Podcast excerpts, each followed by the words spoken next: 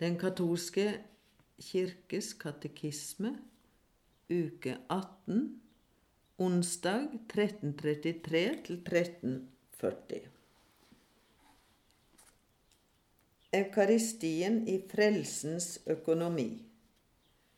Brødets og vinens tegn. I hjertet av feiringen av eukaristien befinner brød og vin seg. Ved Kristi ord og ved påkallelsen av Den hellige ånd blir de Kristi legeme og blod. I troskap mot Kristi befaling fortsetter Kirken å gjøre det han gjorde kvelden før han gikk til sin lidelse, til minne om ham, inntil han kommer i herlighet. Han tok brødet, likså tok han etter måltidet kalken. Brødets og vinens tegn, som på gåtefullt vis blir Kristi legeme og blod, fortsetter å være tegn på skaperverkets godhet. Derfor takker vi ved offertoriet Skaperen for brød og vin, frukten av menneskers arbeid, men i første rekke frukt av jorden og frukt av vintreet, skaperens gaver.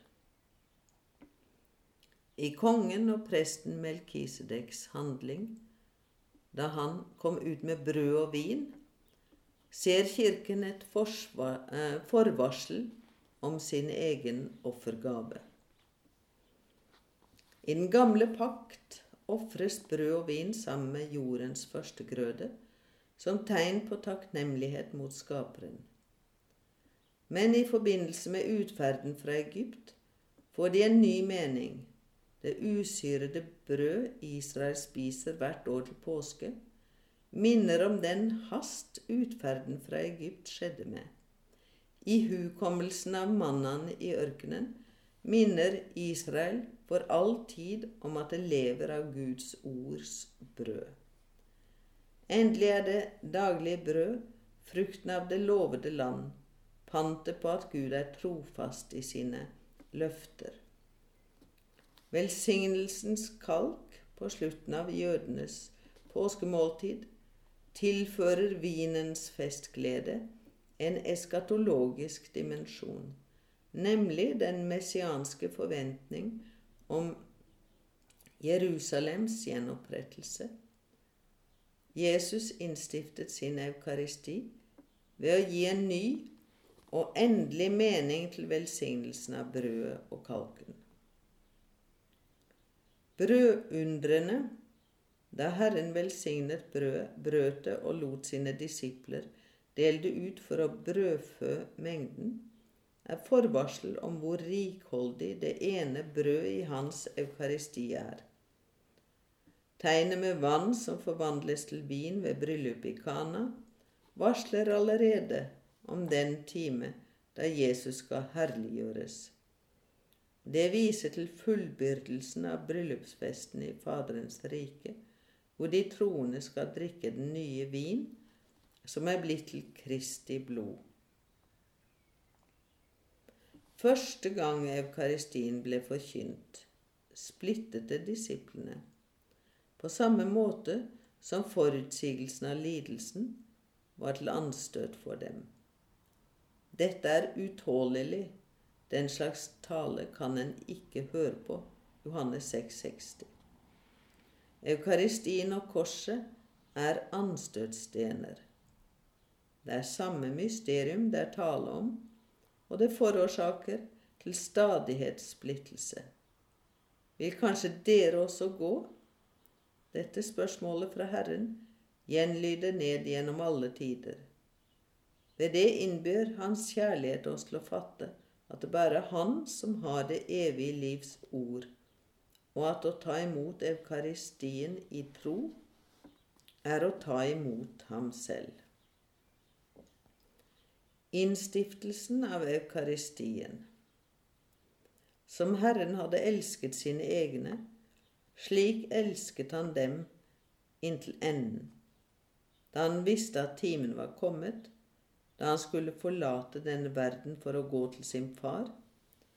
vasket han disiplenes føtter under et måltid og ga dem kjærlighetsbudet for å gi dem et pant på sin kjærlighet, for aldri å forlate sine egne og for å gi dem del i sin påske. Innstiftet han eukaristien til minne om sin død og oppstandelse og han ga sine apostler befaling om å feire den inntil hans gjenkomst, og da innsatte han dem som prester i den nye pakt. De tre synoptiske evangelier og den hellige Paulus har etterlatt oss beretningen om hvordan eukaristien ble innstiftet. Den hellige Johannes på sin side gjengir Jesu ord i synagogen i Kafarnaum, som forbereder innstiftelsen av eukaristien. Kristus omtaler seg selv som livets brød, steget ned fra himmelen. Jesus så seg ut påsken for å oppfylle det han hadde forkynt i Kafarnaum, nemlig å gi sine disipler sitt legeme og blod. Så kom de usyrede brøds dag, da påskelammet ofres. Og Jesus sendte Peter og Johannes av sted og sa:" Gå og gjør påskelammet i stand, så vi kan feire måltidet. De gikk av sted og stelte til påskemåltidet. Da tiden var inne, kom Jesus og gikk til bords, og alle disse apostlene med ham. Og han sa til dem:" Inderlig har jeg lengtet etter å spise dette påskemåltidet med dere før jeg dør. Ja, for jeg sier dere at aldri mer skal jeg feire påske før den er fullkommen i Guds rike. Så tok han brød, velsignet det og brøt det, ga dem av det og sa:" Dette er mitt legeme som gis for dere. Gjør dette til minne om meg. Og på samme måte ved begeret etter måltidet.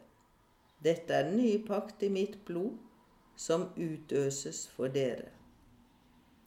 Ved å feire sin siste nattverd med apostlene under et påskemåltid ga Jesus den jødiske påske dens endelige mening.